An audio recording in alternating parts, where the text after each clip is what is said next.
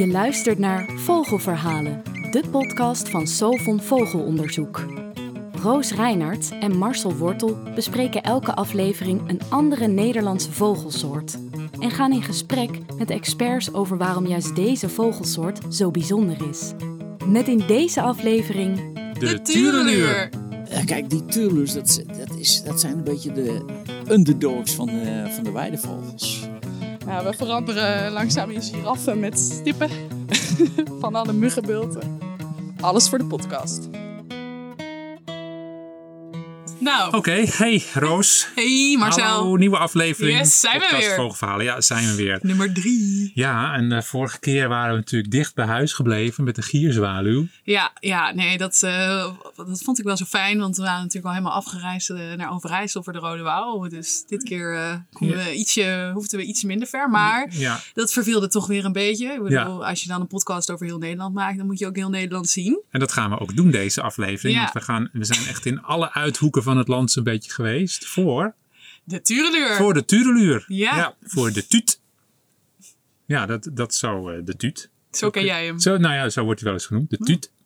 De tuut. Maar ehm, nou ja, ik kan nu alvast verklappen dat jij straks aan het eind van deze podcast eh, uit de doeken gaat doen hoe de tureluur aan zijn naam komt. Hè? Ja, zeker. Ja. Want daar was ik wel benieuwd naar. Ja, en wat eigenlijk de link is met de uitdrukking ergens tureluurs van worden. Ja. En waarom gaan we het eigenlijk hebben over de tureluur?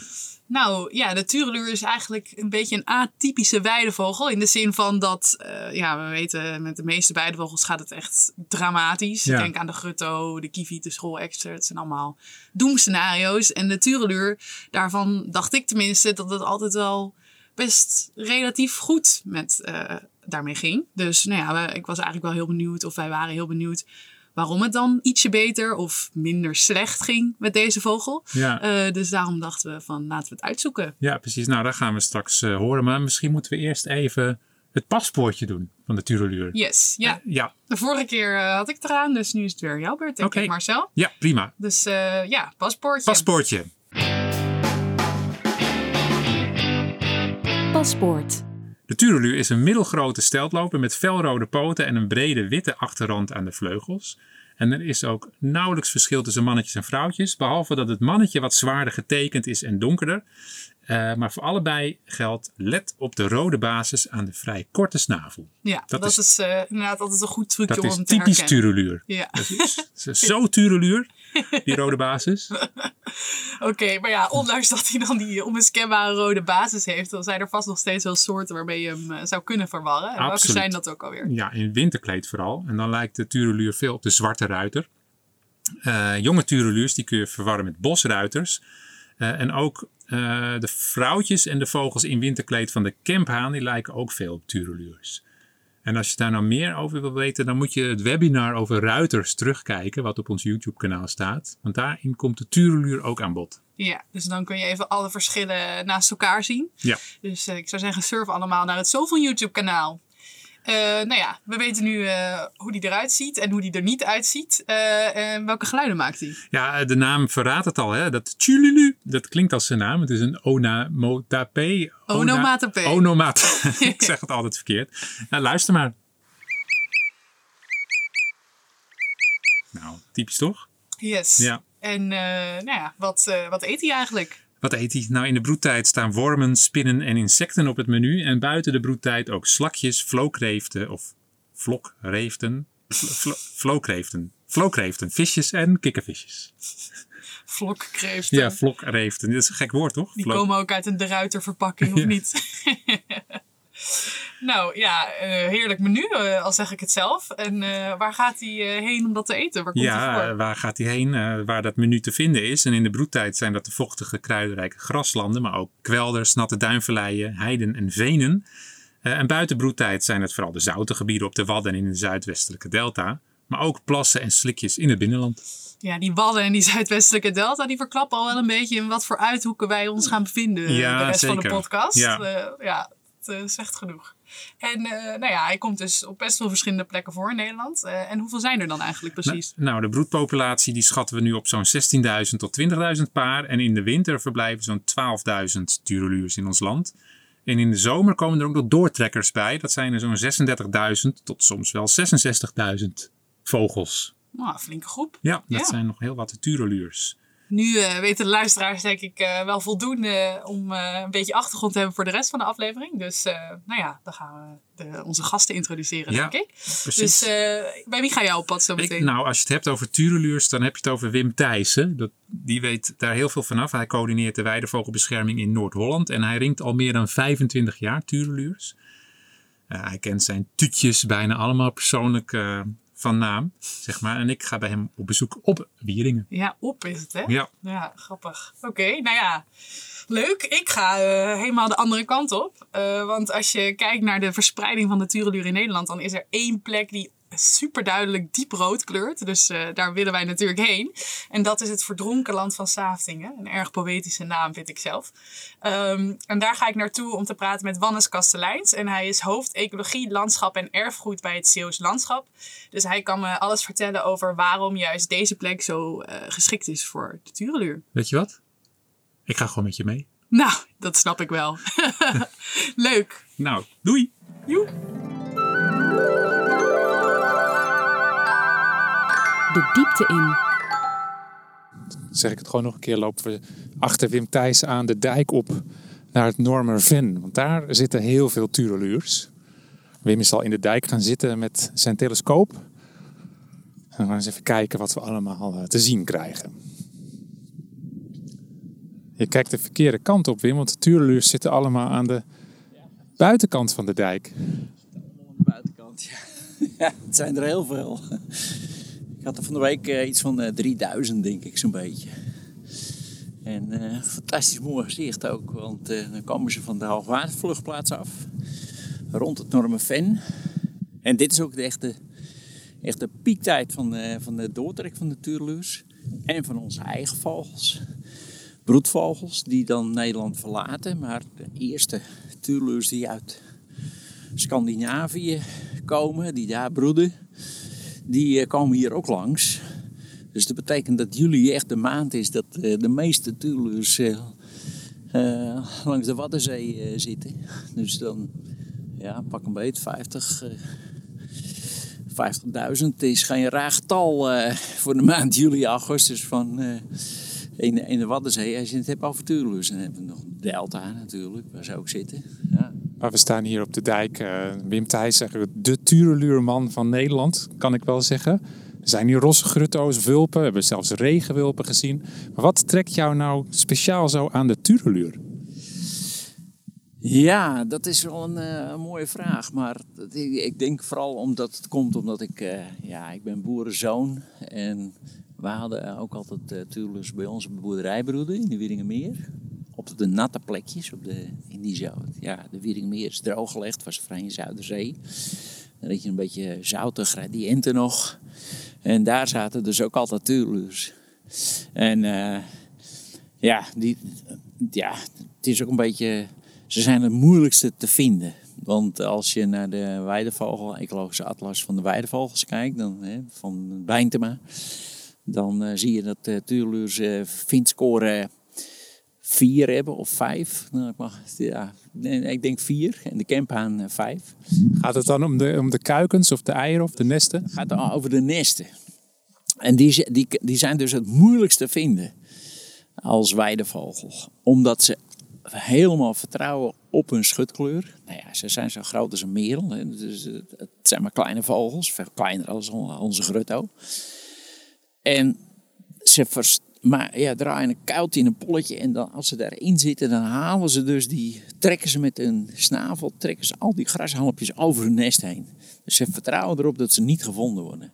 Nou ja, en je loopt ze dus ook als weidevogel beschermen altijd voorbij.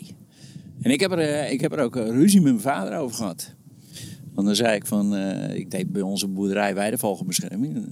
Uh, toen ik was ik ondertussen al uh, op Wieringen en dan was ik coördinator weidevogelbescherming.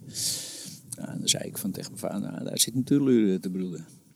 Nou, dan ging hij morgens de koeien ophalen en dan zei ja, je, kent van mij wat, maar ik, ik heb, daar zit daar echt geen tuurluur te broeden. Nou, ik zeg, ik zeg, dan moet je morgenochtend nog eens een keer kijken, want hij zit in dat polletje, een beetje vlakbij die kievit in de buurt. Natuurlijk houden ervan om gebruiken die kievit als waakhond.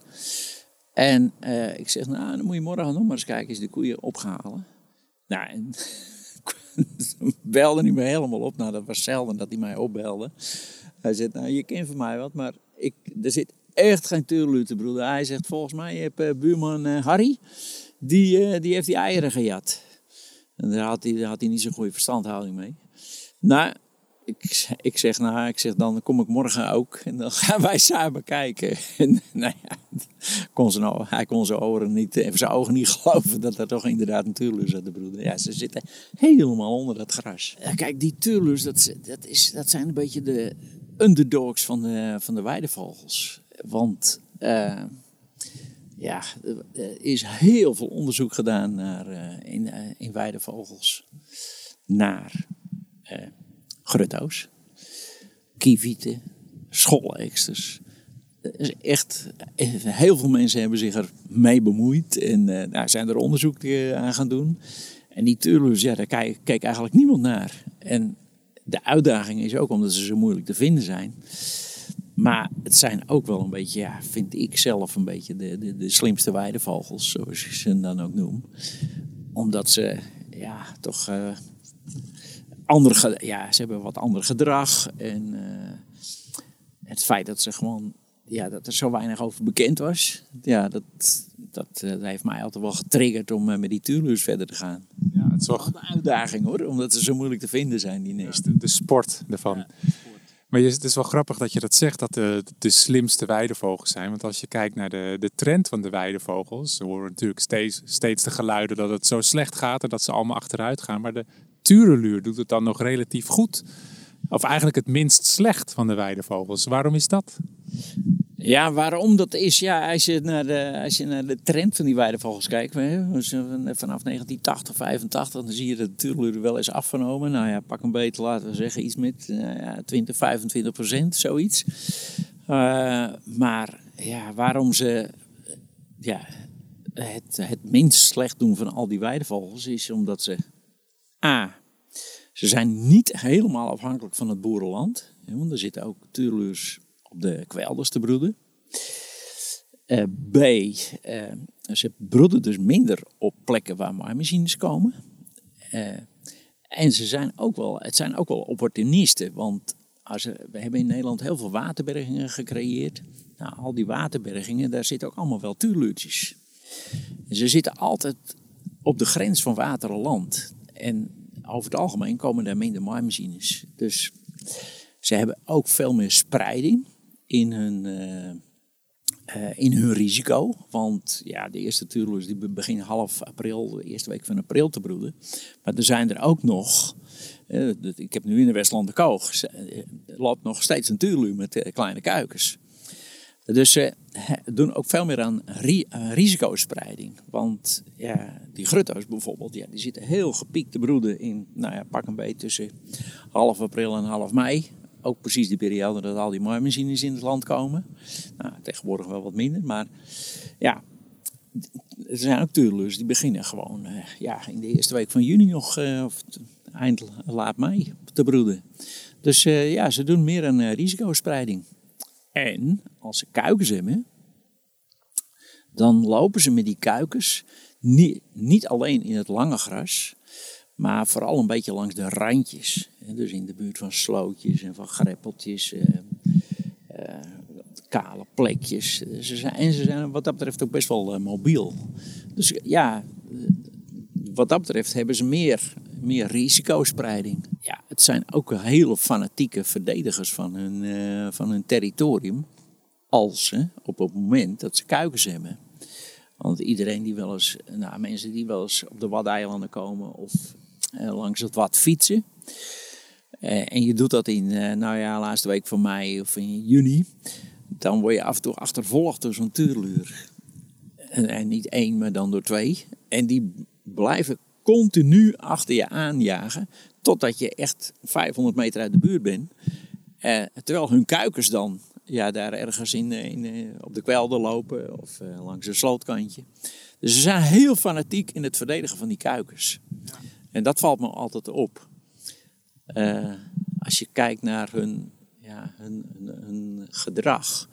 Op het moment dat ze eieren hebben, dan zijn ze echt heel stiekem. Dus dan, ja, zijn ze heel stil en heel rustig. En dat wisselen tussen eh, de partners op het nest, dat gebeurt s morgens vroeg en s avonds laat. Dus bij broedvogelinventarisaties worden ze altijd onderteld. Oké, dus je doet het al vanaf 1996, dus al meer dan 25 jaar intensief kijken naar de tureluurs. Veel kennis opgedaan. Hoe kan die kennis helpen bij de bescherming van de tureluurs of andere weidevogels?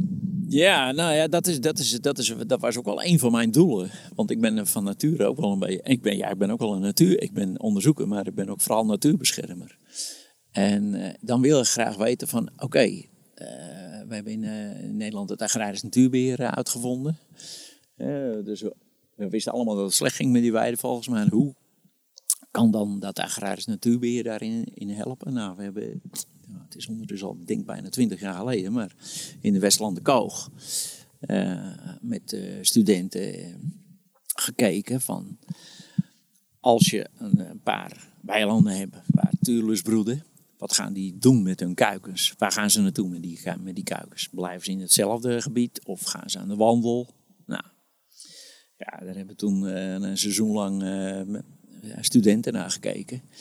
En een onderzoeker uh, die er uiteindelijk ook uh, als onderdeel van zijn promotie. Uh, ja, en dan blijkt dus dat die, als het biotoop op orde is, dan blijven die tuurluurs met hun kuikens binnen een straal van een paar honderd meter van waar ze zitten te broeden. Belangrijkste is daarbij van als je in het agrarisch natuurbeheer als je een perceel hebt met een late maaidatum en je beheert dat goed en het is een een goed broedgebied, dan blijven die tuurleurs ook in dat weiland of in dat gebied met hun kuikens. En dat is belangrijk om te weten. Want daarmee geef je heel duidelijk aan van nou, als je die maatregel toepast, dan moet je dat ook voor de komende 10, 20 jaar in zo'n gebied doen. Want daarmee eh, zorg je voor een goede reproductie voor de tureluur. Hebben andere weidevogels daar dan ook baat bij? Ja, eh, ja nee, zeker. Ik bedoel, uh, kijk, grutto's die hebben daar ook baat bij. Uh, minder, want als je, wat meer, als je wat meer gaat verschralen, dan krijg je wat minder kievieten. Maar ja, voor die vogels die in het lange gras broeden, zoals tureluurs en grutto's, ja, die hebben daar zeker baat bij. Maar je moet wel een beetje, ja, in natuurreservaten, moet je, wel, je moet wel een beetje blijven boeren. Ik ben natuurlijk boerenzoon. En dat vind ik dan ook weer, uh, weer leuk, want uh, om daar ja, om, om, om, om te bekijken van, nou ja, we hebben natuurlijk heel veel natuurreservaten. Vaak in natte gebieden met een weidevogeldoelstelling. Maar als je die te veel verschraalt, destijds hebben we dat onderzoek met David Klein uh, gedaan. Als je ze te veel verschraal, ja, dan verlies je uiteindelijk ook uh, dichtheden aan weidevogels. Dus je moet een beetje blijven boeren. En ja, boeren heb je natuurlijk nodig bij, uh, bij weidevogels. Weidevogels. En andersom, ik wou het zeggen. Weide... En want dat, dat is natuurlijk, uh, dat vind ik ook het leuke eraan. ja, om met boeren samen te werken. En dat je dan samen ergens mee bezig bent. En dat je dan zorgt dat je een goede reproductie hebt van je van de natuur op je boerderij, zodat die natuur blijft bestaan. Ja. Nou hebben we het uh, inderdaad over het boerenland. Nou doe je ook uh, onderzoek um, op, uh, in, het Wad, op het Wadden, in het Waddengebied samen met het NIOS. Ja. Heb je zes uh, turelus gezenderd. Ja, ik wilde graag weten van hoe gebruiken die turelus nu het Wad. En ja, daar kan je alleen maar aan, aan de weet komen als je vogels gaat zenderen. En grappige uh, gezin natuurlijk, Lotte. Dat is de, de dochter van, uh, van, van, de boer hier. Die, uh, ja, die was vorige week was die, op trek gegaan. Dus die was helemaal naar de Noordzeekust gegaan. En nou, dan denk je van, nou oké, die gaat naar het zuiden. Dus die gaat naar, naar Spanje of naar Portugal of wat dan ook. Maar bleek dat ze ergens bij Juliaan, boven zee, dacht ze van Hmm, ja, ik heb zeker tegenwind of het uh, bevalt niet. Dus is ze naar Tessel gegaan. en van Tessel is ze uiteindelijk een dag later weer naar het Ven hier teruggekomen. En uh, zag ik haar dus, uh, afgelopen weekend zag ik, hier, zag ik haar hier weer. Dus ja, dan, vind, dat vind ik wel intrigerend. Van, ja, die Tulers die doen ook gewoon veel meer dingen. Wat we weten door die zenders. En dan weet je dus bijvoorbeeld ook welke gebieden misschien beter beschermd moeten worden omdat ze een belangrijk voedselgebied zijn. Ja, zeker. Want kijk, ze doen eh, dat niet alleen op het wat. Maar we weten nu aan de hand, door die zenders weten we nu ook dat... Een, zat natuurlijk, die ging dus blijkbaar iedere dag eh, even tegenover mijn huis in een slootkantje fourageren. Of natuurlijk die even in de Wieringenmeer in een slootje ging fourageren. Ja, dat zie je natuurlijk niet met alleen kleuringen. Dus blijkt dat ze en ja, dat blijkt ook, weten we ook wel een beetje uit de literatuur. Maar dat ze dus. Natuurlijk hebben vaak vaste plekjes waar ze hun voedsel vandaan halen. Nou, en dan zie je dus dat ja, niet alleen zo'n weiland belangrijk is, maar ook het hele biotoop eromheen en die slootjes. Nou ja. En wat een hoop mensen niet weten is bijvoorbeeld, ja, als je natuurlijk kijkt, dan uh, zit er vaak. Er staat er eentje op een paaltje. Als je lang genoeg kijkt, dan zie je af en toe dat ze ook braakballetjes uh, laten vallen. En uh, ja, dat zijn die slakjes die ze dan eten. En die ook uitpluizen, die balletjes dan? Nee, zo erg. Nee, ja, daar heb ik geen tijd voor. Ik doe het allemaal in mijn vrije tijd. dus daar heb ik geen tijd voor. Wat zijn voor jou nog de belangrijkste vragen die je wil beantwoorden?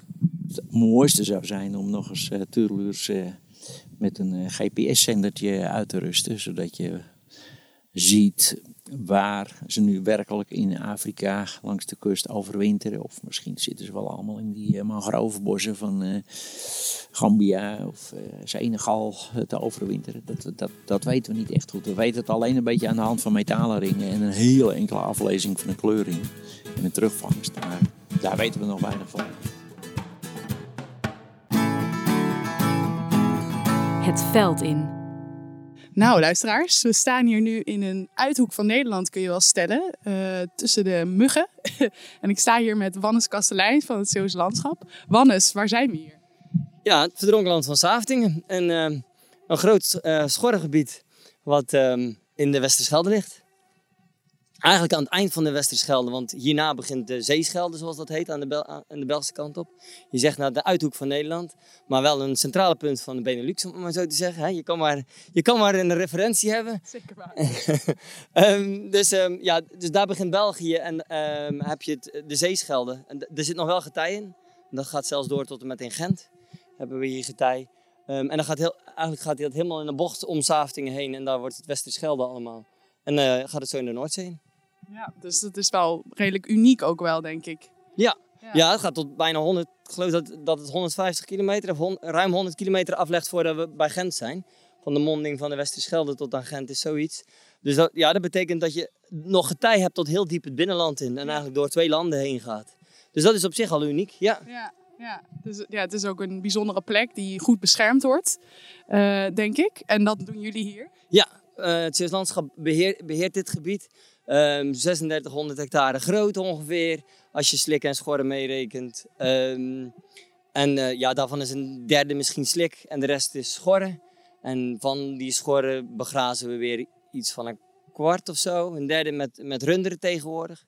Vroeger gebeurde de begrazing met uh, schapen, uh, met schaapsherders. Dat, was, dat is eigenlijk ook van oudsher is dat de manier hoe Um, schorren werden gebruikt, hè, het rondtrekkende kuddes en, en, en stelbergen of vlietbergen, um, waar ze dan naartoe vluchten als het hoog water werd. Um, maar die, die schapenbegrazing, dat is tegenwoordig niet meer zo rendabel en bovendien ook, dan moet je echt nog met herders gaan blijven werken. En dat, dat kan eigenlijk niet meer in deze tijd. Dus tegenwoordig doen we dat met koeien, wat eigenlijk ook goed werkt, zeker ook voor de tureluur. Ja, mooi, want daarom zijn we hier nu natuurlijk eigenlijk. De Tureluur. Want uh, ja, mijn collega Marcel en ik, uh, wij waren op het kaartje van Nederland aan het kijken naar waar de Tureluur allemaal voorkomt. En toen viel ons een grote rode stip op. En dat was precies hier. Dus wij dachten, hier moeten we naartoe. En toen hebben we jou uh, gebeld. Dus nou ja, we zijn hier voor de Tureluur. Dus zitten hier inderdaad zoveel? Um, nou, op het moment is het vrij rustig met de Tureluurs. Um, die zijn, in, in het broedtijd zitten we hier in een gebied waar er in ieder geval ook altijd veel zitten. Dit is het begraasd gebied. Dus eh, wat ik net zei, zijn er een paar delen zijn begraasd. En die delen die zijn dus wat, uh, die zijn vaak dichter tegen de dijk aan. Want normaal zou dat dus veel ruiger worden, want dan komt het water niet meer zoveel. Dus dan krijg je hogere vegetatie. Maar doordat wij dat weer begrazen met uh, koeien. Daar heb je de koeienboer. Um, die komt even kijken naar zijn koeien. Um, doordat we dat begrazen, krijg je dus veel openere vegetatie en ook kapot getrapt en slik. En slik is ongeveer het belangrijkste, okay. want daar uh, fourageren die tureluurs natuurlijk graag in. Dus dat is eigenlijk wat, wat Saftingen interessant maakt. Dat je slik hebt waar je ook broedgebied hebt. Ja. en dat is in andere plekken in Nederland niet op die manier te vinden. Nou, ik denk dat wel de zee en zo ook. En, en in de rest van de delta zijn er wel meer plekken. Ja. Maar dit is natuurlijk, wat ik net al aangeef, een enorm groot gebied. Dat Ja. helpt al. Ehm, en er is een tijd geweest dat hier ehm, heel, heel veel uh, tureluurs zaten. De dichtheid ook echt extreem hoog was. Ik heb dat eventjes opgezocht hoeveel dat, we dat ook alweer hadden vastgesteld. En dat is dus als je het begraasde... Nee, als je, nee niet het begraasde, sorry. Als je de schorren alleen neemt, dus het waarop gebroed kan worden... alleen neemt aan oppervlakte, dan kom je aan 2400. En dan kom je dus aan een dichtheid van 0,7 tuurluur per hectare. Dus dat is 70 tuurluur per 100 hectare. Ja, dat is flink. En dat is enorm hoog inderdaad. dat haal je in de gemiddelde weidevogelgebieden ook al niet eens, denk ik. Ehm, dus dat, dat maakte dat het een... Toen de tijd, want een deel van het verhaal komt nog, maar dat, een, eh, eh, dat, die, dat die dus eh, heel veel konden broeden, omdat ze dus eigenlijk op die hoge oeverwallen konden broeden en op het slik van die geulen konden fourageren. Ja, ideale combinatie eigenlijk. Ja. Ja. Ja. Ja, we staan nu echt midden in dat slik eigenlijk. Ja. En eh, het is hoog water nu, dus eh, we hebben onze laarzen en eh gimpies aan. Ehm, en het stikt hier dus van de muggen, dus we hebben helemaal live experience. Ik probeer jullie mee te nemen, luisteraars, in wat wij ervaren. Maar we zien nog geen tureluurs helaas. Want ja, je zei al, nu zitten er wel- wat minder, maar het is ook niet helemaal de tijd van het jaar. Eh, dus combinatie van die twee, denk ik. Ja, ja nou, waarom, waarom er nu hier geen zit, is omdat ze dus vooral nu echt naar de slikranden zitten. We staan nu helemaal bij de, nog eh, dicht bij de dijken, in de, midden in de begraasde vegetatie. En daar zitten ze dan in deze tijd van het jaar niet. Dat gebruiken ze vooral in, in het broedseizoen. Terwijl ze nu dus veel meer eh, het echte getijdenslik opzoeken Ja. om te fourageren. En ook zijn de aantallen, want die rode vlek zal minder groot zijn als je dus in de trekperiode en de winterperiode gaat kijken naar saaftingen. Want daarvoor gaat het om enkele honderden tuurluurs die hier zitten. Ja. En ik heb het volgens mij nog niet genoemd, maar voor broedvogels gaat het erom, ging het er om 1600 in 2004. Ja, dat is wel een flink verschil inderdaad. Ja. Maar in 2004 zeg je. Ja, dus dat is ook alweer enige tijd geleden. Ja. Ja, bijna 20 jaar geleden. En hoe, hoe staat het er nu dan voor met de tureluur hier? Ook dat weten we niet eens precies, om heel eerlijk te zijn. En dat komt omdat het eh, bijna zes jaar geleden is dat we ze voor het laatst heel Safting hebben geïnventariseerd. Dat hebben we dus in de tussentijd wel meermaals gedaan. Dus we hebben er één keer eh, in 2004 1600 waargenomen. In 2012 hadden we eh, een honderdtal minder, dus 1400, 1500, eh, bijna 1500 broedpaar. En eh, in 2018 is dat in één keer gekelderd naar minder dan 700 broedpaar. Dat is al meer dan de helft minder. Ja, ja, en dat is dus wel een enorme klap geweest. Ja. Wil nog niet zeggen, want dan gaat nog steeds om 0,3, heb ik ook maar even op, eh, uitgerekend, 0,3 eh, eh, per he- eh, eh, hectare, paar per hectare. Dus het is nog steeds een, een, een eh, aardige. En misschien ook wel een natuurlijkere, eh, als je, er, als je er wat dieper op ingaat, een natuurlijkere stand. Oké, ja, want eigenlijk was het misschien boven, boven wat het gebied aankon. Nou, aan kan niet, maar boven natuurlijk. En daar bedoel ik mee dat, dat we toen... ehm, dit is een vastelandschor, zoals dat heet. Hè? Dus het, grens, het, het schor grenst aan een dijk. En in die dijk kan je allerlei grondpredatoren hebben. Zoals een belangrijke de vos is. Die kan dus nu wel makkelijker het gebied in. En die was het voorheen in een hele lage stand, of eigenlijk bijna niet, ehm, in Zeeuws-Vlaanderen. Maar dat is nu toegenomen. En met die toename van de polder kwam er steeds meer druk hierop. En eerst zagen we dat aan de grauwe ganzen. Want die zijn een veel makkelijkere prooi voor, eh, voor vossen. Toen zagen we dat aan de meeuwenstand. En toen zagen we dat aan de eh, eh, wilde eendenstand. En eigenlijk kon je gewoon, je kon bijna zelf uittekenen van de, degene die zijn nest best verstopt. En eh, die, die, eh, die, die zal nog het langst overblijven. Ja, kon Dus nu- voorspellen wie de volgende werd. Ja, je kon bijna voorspellen wie de volgende werd. En we hoopten dat Tureluur het meevalt. En ik vind het ook nog meevallen tot nu toe. Maar we weten niet, nog niet de recentste gegevens. Maar ehm, zes, bijna zes jaar geleden was dat dus nog 700 paar. En dat, nou, dan denk je, en als daar nog een redelijk deel van groot wordt aan jongen. Ja, dan, dan kan je nog steeds zeggen dat het een belangrijk gebied voor tureluurs is. Zeker weten, ja. Dus nog steeds even relevant. Dat Ja. wou ik zeggen. Ja. ja.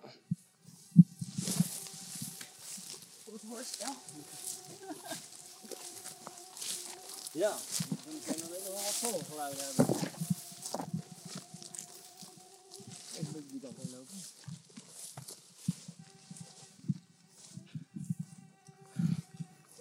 Marcel is net al een keer gevallen, dus we hopen dat we allemaal overeind blijven. Marcel heeft al één natte broekspijp. Oké, we hebben obstakel. Ah, Ja.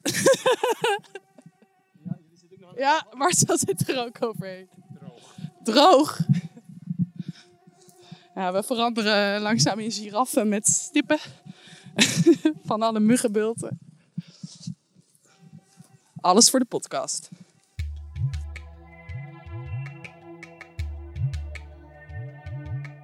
We zijn verplaatst door, door de muggenzwermen heen naar eh, een nieuwe dijk. Die is, want afgelopen winter is hier de boel ontpolderd. Dus we kijken nu naar een, ja, echt een nieuw, eh, nieuw stukje natuurgebied.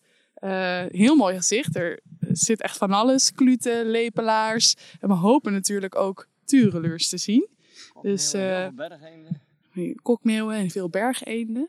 En Wannes is nu eh, aan het speuren. Eh, vorige maand zaten er, eh, dat was dan wel, want er zitten dus maar een paar honderd tureluurs in de, in de, in, buiten het broedseizoen in Saftingen, meestal. Ehm, maar in eh, dit ontpolderde gebied hebben ze nu, begin juli had ik toevallig even de telling opgezocht.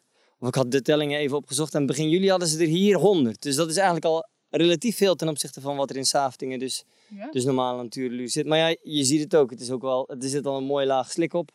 Je ziet eh, geulen lopen. Dus dit is eigenlijk al, eh, al gelijk eh, natuur inderdaad. En, en serieus ook. Je hoort alle vogels. Echt heel snel gegaan dan. Ja, eigenlijk is het nu al waardevol. Hè? Voor vogels zal het dus ook wel, wel al...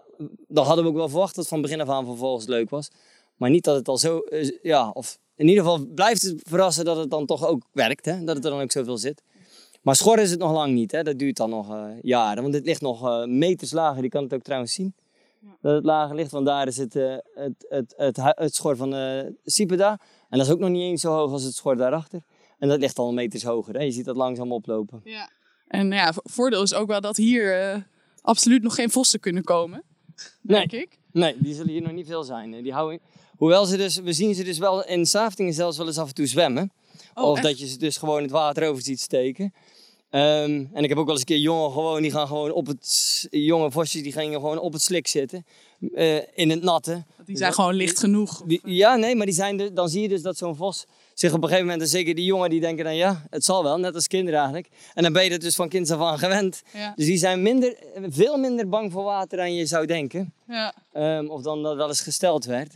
Dus eigenlijk kan die vos ook in dit soort natte gebieden denk ik wel lopen. Maar ja, hier kan hij in ieder geval niet zitten. Dus hij zal, ehm, ah, hij kan hier niet zomaar rond gaan bazuinen. Ja, Of dus een dat stukje, scheelt al wel iets. Ja. Maar ja, los van de vos eh, zijn er ook nog eh, andere bedreigingen voor dit gebied. Had je het net... eh, Ja, ik, wat ik al vertelde, ja, dat natuurlijk niet alleen aan de vos het ligt dat, dat die tuurluur in, in broedseizoen achteruit is gegaan, of in, in broedaantal achteruit is gegaan. Dat heeft ook te maken met dat, dat het, ehm, dus dat het eigenlijk ook is in eerste instantie gekomen doordat het landschap verandert eh, in de polders. De- dus er is, er ook droger geworden, eh, minder voedsel te vinden voor vossen. Eh, het vossenaantal is ook hoger geworden daar. Maar ook in het eh, Saftingen is het gebied heel erg veranderd. Het is dus ook minder slik gekomen. Door, deels doordat het zandiger wordt, dat de, de, de geulen zand, de bodems zandiger worden. En ook op het schor wordt het zandiger en de vegetatie dichter. Dus minder slik. En dat, wat ik al in het begin zei, slik is een hele belangrijke voor, denk, denken we, voor voedsel te zoeken voor die tureluur hier. En, en dat is dus eigenlijk ook allemaal minder geworden. En eh, er is steeds meer riet bijgekomen. Dus, je, dus habitat wordt er ook wel iets minder voor tureluur. Komen Ja. er dus wel andere soorten voor terug. Hè? Zeker dat riet, dat hebben we net al even laten zien. ja, zeker. Dus het, een natuurgebied. Het verandert door de natuur en door zichzelf voor een deel. Ja. Ehm, dus ehm, altijd weer leuk. ja, dus dat is ook niet iets wat jullie tegen gaan houden. Nee, nee, nee we, gaan daar, we gaan daar niet eh, hele zware maatregelen tegen nemen. Het moet een beetje het systeem doen. Ja. Ja, ja, precies. Oké. Dus het is, eh, jullie beheren niet speciaal voor de tureluur. Nee, Nee. nee, nee, nee. Daar heeft het gebied te veel potentie voor, voor, voor, om als een natuurlijk systeem te kunnen functioneren. Ja. Dus langzaam maar zeker zal die rode stip iets Kleiner minder worden. rood worden. Of minder rood worden, ja.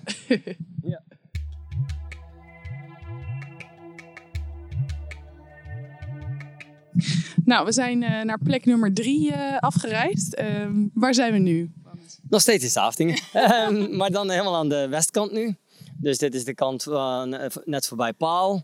Ehm, en dan kan je leuk, eh, eigenlijk, dan kom je heel dicht aan de, aan de Westerschelde. We zien toevallig net een heel groot schip voorbij varen van eh, MSC. Dat zijn die grote containerschepen. Ehm, en nou, dat is ook een deel van het verhaal wat ik hier wilde vertellen. Maar hier kom je dus dicht aan, aan die slikoevers van de, van de Westerschelde. En die zie je eigenlijk langs, voor, of achter Saftingen langs lopen, zo helemaal eromheen. En dat zijn dus de, de, de slikkige oevers van de, van, de, van de geul, van de hoofdgeul van de Westerschelde. Ehm, wat een meergeulensysteem is. Dus dat betekent dat ze eigenlijk continu een nevengeul en een, een hoofdgeul hebben. En dan heb je dus vaak platen tussen liggen. Kijk, hij is nu net eigenlijk tussen ons en, ehm, ehm, en die plaat is die, is die doorgevaren. Hè? Dat, dat heet de plaat van Walsoorde. Dat zijn dus de platen wa- waar, die dus midden in de Westerschelde liggen. En die dus in dit geval ook al wel zelfs begroeid raken met schor. Nou, die slikplaten, eh, zowel die oevers als die slikplaten, die, die leveren dus fourageergebied op in de winter voor ehm tureluurs, voor eigenlijk voor alle, allerlei steltlopers. Ehm, en die, eh, en is daar gewoon eigenlijk onderdeel van. Dus je zou ook bijna kunnen zeggen van de, ik geloof dat er eh, gemiddeld in, in, in de winter in, in, in de Zeeuwse Delta iets van 2.000, 3.000 tureluurs zitten. En daarvan zit het, eh, 10% zit hier in Saftingen. Ja. Maar dus eigenlijk zo over, langs de hele oevers en platen van, eh, verdeeld. Van zowel de Oosterschelde als de Westerschelde. Eigenlijk een hele verspreide soort in de, in de winter. Ja, ja. Ehm, en Safting is daar dus eigenlijk ook gewoon een onderdeel van. Ehm, en hier in de Westerschelde gaat het dan wel steeds minder goed met die, met die oevers. En we zien dus ook de aantallen achteruit gaan van, van Tureluur. Die waren ooit ook hoger. En van, van eigenlijk van al die steltlopers die op het wat fourageren. Slik zeggen wij hier. Ehm, dat, ehm, dus, dus dat gaat, wat er hier gebeurt in de Westerschelde is dat door die verdiepingen om die, om die, die drempels eruit te halen. ja Eh, voor, voor de grote schepen. Voor die grote schepen, zodat ze die diepgang kunnen garanderen. Gaan die, ehm, die kunnen dus nu met 15 meter diepgang kunnen ze nog binnen. Mhm. Maar daardoor gaat ook het water harder stromen. En dat zorgt dus voor dat die oevers ehm, dynamischer worden. Dus eh, eh, eh, harder gaat stromen. En dus ook meer werveling hebben met, in dat sediment. En daardoor minder bodemleven. En daardoor minder te fourageren voor steltlopers. Of ook minder dichtheden aan bodemleven dus. Dus moeten ze meer prikken om hetzelfde te vinden eigenlijk. Hè? En dat kost energie. En levert niet net zoveel op. Dus dat is eigenlijk een beetje wat er gaande is. Je ziet dus ook dat, dat die plaat, die, dat was de plaat van Walshoren, die was tot een paar enkele jaren geleden was het gewoon nog een kale plaat. En dat begint nu ook al schorp te gaan, want als, als het dus hier harder gaat stromen, dan gaat het hier lager worden, maar die hoge delen die worden dan juist hoger. Ja, ja. En dan krijg je er weer schorvorming op. verplaatst een beetje. Ja, en dat is eigenlijk dus een versnelde vorm van successie en van verstijling. Dus die schorren worden steeds, gaan heel snel in ontwikkeling. Ja, En eh, nou, dat gaan we dus ook in die ontpoldering zien, dat het steeds harder gaat ontwikkelen. Dat ja. daar heel snel schor zal komen en dat je... eh, Dus die mooie slikkige platen die wij nu zo zien, die best wel plat zijn en waar heel veel eh, vogels op zitten, die, die, die ver- verdwijnen steeds ja, meer. en dat, dat is dus al aan het gebeuren geweest. Ja. Dat is dus minder dan het in het verleden was. ja, dan kon je gewoon En nog veel verder. de aantallen achteruit gaan. Want het is dus ook, eh, de Westerschelde Safting is Natura 2000 gebied voor habitattypes, maar ook voor, eh, voor, voor heel veel vogelsoorten, waaronder de tureluur. En die aantallen nemen nu wel, of die zijn in ieder geval flink afgenomen. Ze lijken nu iets bij te buigen, hebben we net even gekeken. Oké, ja. Ehm, maar ehm, die, die, die, die zijn dus wel heel erg afgenomen geweest. Ja, En nou, een goed, goede ontwikkeling als dat weer iets toeneemt. En waar dat dan zit, weet ik niet. Misschien wel in een aantal stukjes die ontpolderd zijn, of dat het weer wat meer ruimte krijgt. En dat er weer wat slikkige platen ontstaan. ja. Dat is het idee. Want, want ja, hoe kijk jij dan nu naar de toekomst eh, voor de Tureluur in Saftingen? Genuanceerd, zullen we zeggen. Niet gelijk bedroefd, want ik denk dat een deel van de, van de processen ook gewoon helemaal natuurlijk zijn en niet gelijk negatief zijn. Dat, het is gewoon een, een systeem wat je moet, eh, moet volgen en niet te veel in moet in willen grijpen. Maar ehm, het is natuurlijk wel jammer voor de tuurlijk dat die iets achteruit gaan. Die, die 1600 die we hier aan broedvogels voorheen hadden, dat klonk altijd wel lekker. En dat zag er leuk uit op de kaart. Hè? Dat het Ja. knalrood zag hier. eh, dat is natuurlijk wel wat... dat, dat maakt het leuk. Maar goed, er zijn nu weer andere soorten die dat over aan het nemen zijn. Zeker waar, ja. Ja.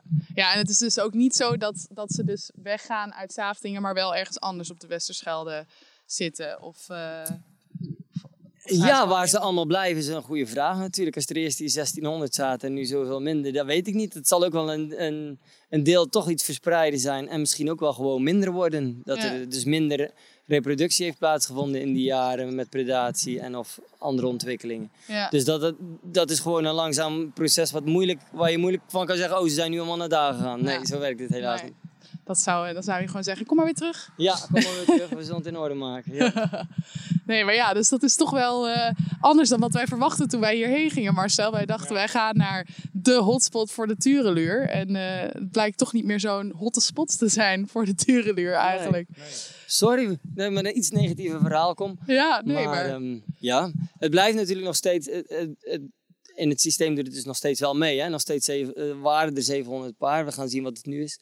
En eh, ook aan, aan, aan overwintering zijn er gewoon enkele honderden tureluurs hier te zien. Dus het is ook niet gelijk helemaal niks. Maar ja, genuanceerd. Ja, nee, maar dat, dat is gewoon het eerlijke verhaal. Dus Ja. dat willen we graag vertellen natuurlijk. Ja, precies. En, en we, ja, zien we hier nu nog een tureluur tussen staan? Of, nou, eh, heel ver achterin ja. loopt er van alles. En daar zitten inderdaad wel wat tureluurs tussen. Maar Ja. het is ver weg. dus we kijken er wel naar, maar eigenlijk eh, is mijn verrekijker eh niet scherp genoeg, vrees ik. Niet toereikend om Nee. te zeggen, ik heb de tureluurs. dat is wel wat, zeg. Ja. Maar ze zijn er. Ze zijn. Ze zijn er, luisteraars. Ah.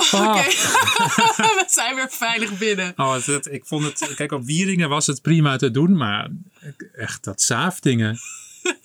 Ik hoop dat je op de opnames goed hoort hoe die, hoe die muggen de hele tijd om ons heen zoomden. Het was echt een soort survival. Ja, maar nu zitten we gelukkig weer veilig eh, in de studio, waar geen muggen zijn. Nee, Ehm, nee. En wordt de tijd, ja, ik zei het in het begin al. eh, voor, Cliffhanger. Voor de cliffhanger. Ehm, Roos, je hebt een heel verhaal eh, voorbereid over hoe de tureluur aan zijn naam komt. Ja, hoe de tureluur aan zijn naam komt en eh, of dat samenhangt met de uitdrukking je wordt er tureluurs van of niet. Eh, nou, dat ga ik jullie allemaal eh, vertellen. Brandlos. Oké, ja, ik ging dus op zoek naar de betekenis van het woord tureluur en de betekenis van de uitdrukking je wordt er tureluurs van. Er volledig van uitgaande dat deze twee met elkaar te maken hadden, maar ja, dat viel eigenlijk tegen. Want tureluur, de naam van de vogel, die komt van het oud-Franse woord turelure. Eh, wat refrein of eentonig deuntje betekent. Eh, en het is tevens een klanknabootsing van de roep van de tureluur. Ehm, dus ja, ze vonden eigenlijk toen ze de tureluur zijn naam moesten geven dat hij maar een eentonig deuntje had. Eh, vandaar dat hij vernoemd werd naar turelure. En dan hebben we dus de uitdrukking je wordt er tureluurs van. Ehm, ja, die heeft niet iets te maken met de vogel tureluur. Maar wel dus met dat woord turlure. En dat ga ik uitleggen. Eh, want eh, je wordt er tureluurs van. Dat stamt uit eh, een roman, een Frans roman uit 1250. En die roman heet Aucassin et Nicolette. En Aucassin en Nicolette die gaan in, in die roman gaan ze naar het fictieve land Turelure. En in Turelure doet iedereen een beetje raar. Eh, ja, bijvoorbeeld in plaats van met wapens te vechten, vechten ze gewoon met eten. Met eh, gebakken appelen, eieren, kaas, paddenstoelen. En ook eh, ligt de koning in het kraambed en de vrouw die leidt het leger. Dus eigenlijk waren ze in 1250 in Turelure al mega modern. Maar ja, toen vonden ze dat allemaal heel erg raar. Ehm, dus werd er eigenlijk gezegd dat ja, een uitdrukking die voortkomt uit zo'n plaatsnaam, Turelure, ja, die, eh, die betekent dus eh, ja, dat, dat je eigenlijk gewoon raar bent. Dus tureluurs worden is dat je je gewone kijk op de dingen verliest. Je doet anders. Eh, dus ja, als je tureluurs ergens van wordt, dan word je net als de mensen uit Turelure. Ehm, maar ja, dat Turelure, waarom heet dat nou zo? Dat komt eigenlijk dus ook van dat Franse woord voor refrein. Eh, dus eigenlijk in het Nederlands zou je kunnen zeggen dat de mensen in het land van Tralala woonden. Of het, eh, het land van eh, Pompidon.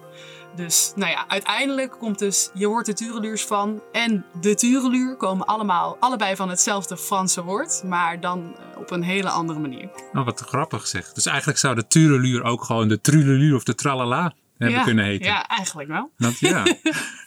nou, en, en daarmee zijn we dan aan het eind van deze podcast. Ja, Dus eh, dan wordt het weer even tijd om, eh, om iedereen te bedanken. En dat is natuurlijk vooral Wim Thijssen en Wannes Kasteleins voor hun bijdrage. 100%. Ja, Bedankt dat we langs mochten komen. En eh, Maurice Frère-Jean natuurlijk voor de techniek en de montage. Ja, en ook jullie bedankt luisteraars voor het eh, wederom luisteren naar onze podcast. En ja, we zien jullie snel weer. Ja. Of we ho- Horen. horen jullie snel. Nou, ook niet, maar Tot de volgende keer. doeg! Nog niet uitgevogeld? Voor meer informatie over het onderzoek van Sovon Vogelonderzoek Nederland bezoek je de website www.sovon.nl. Daar vind je ook hoe je vrijwilliger kunt worden.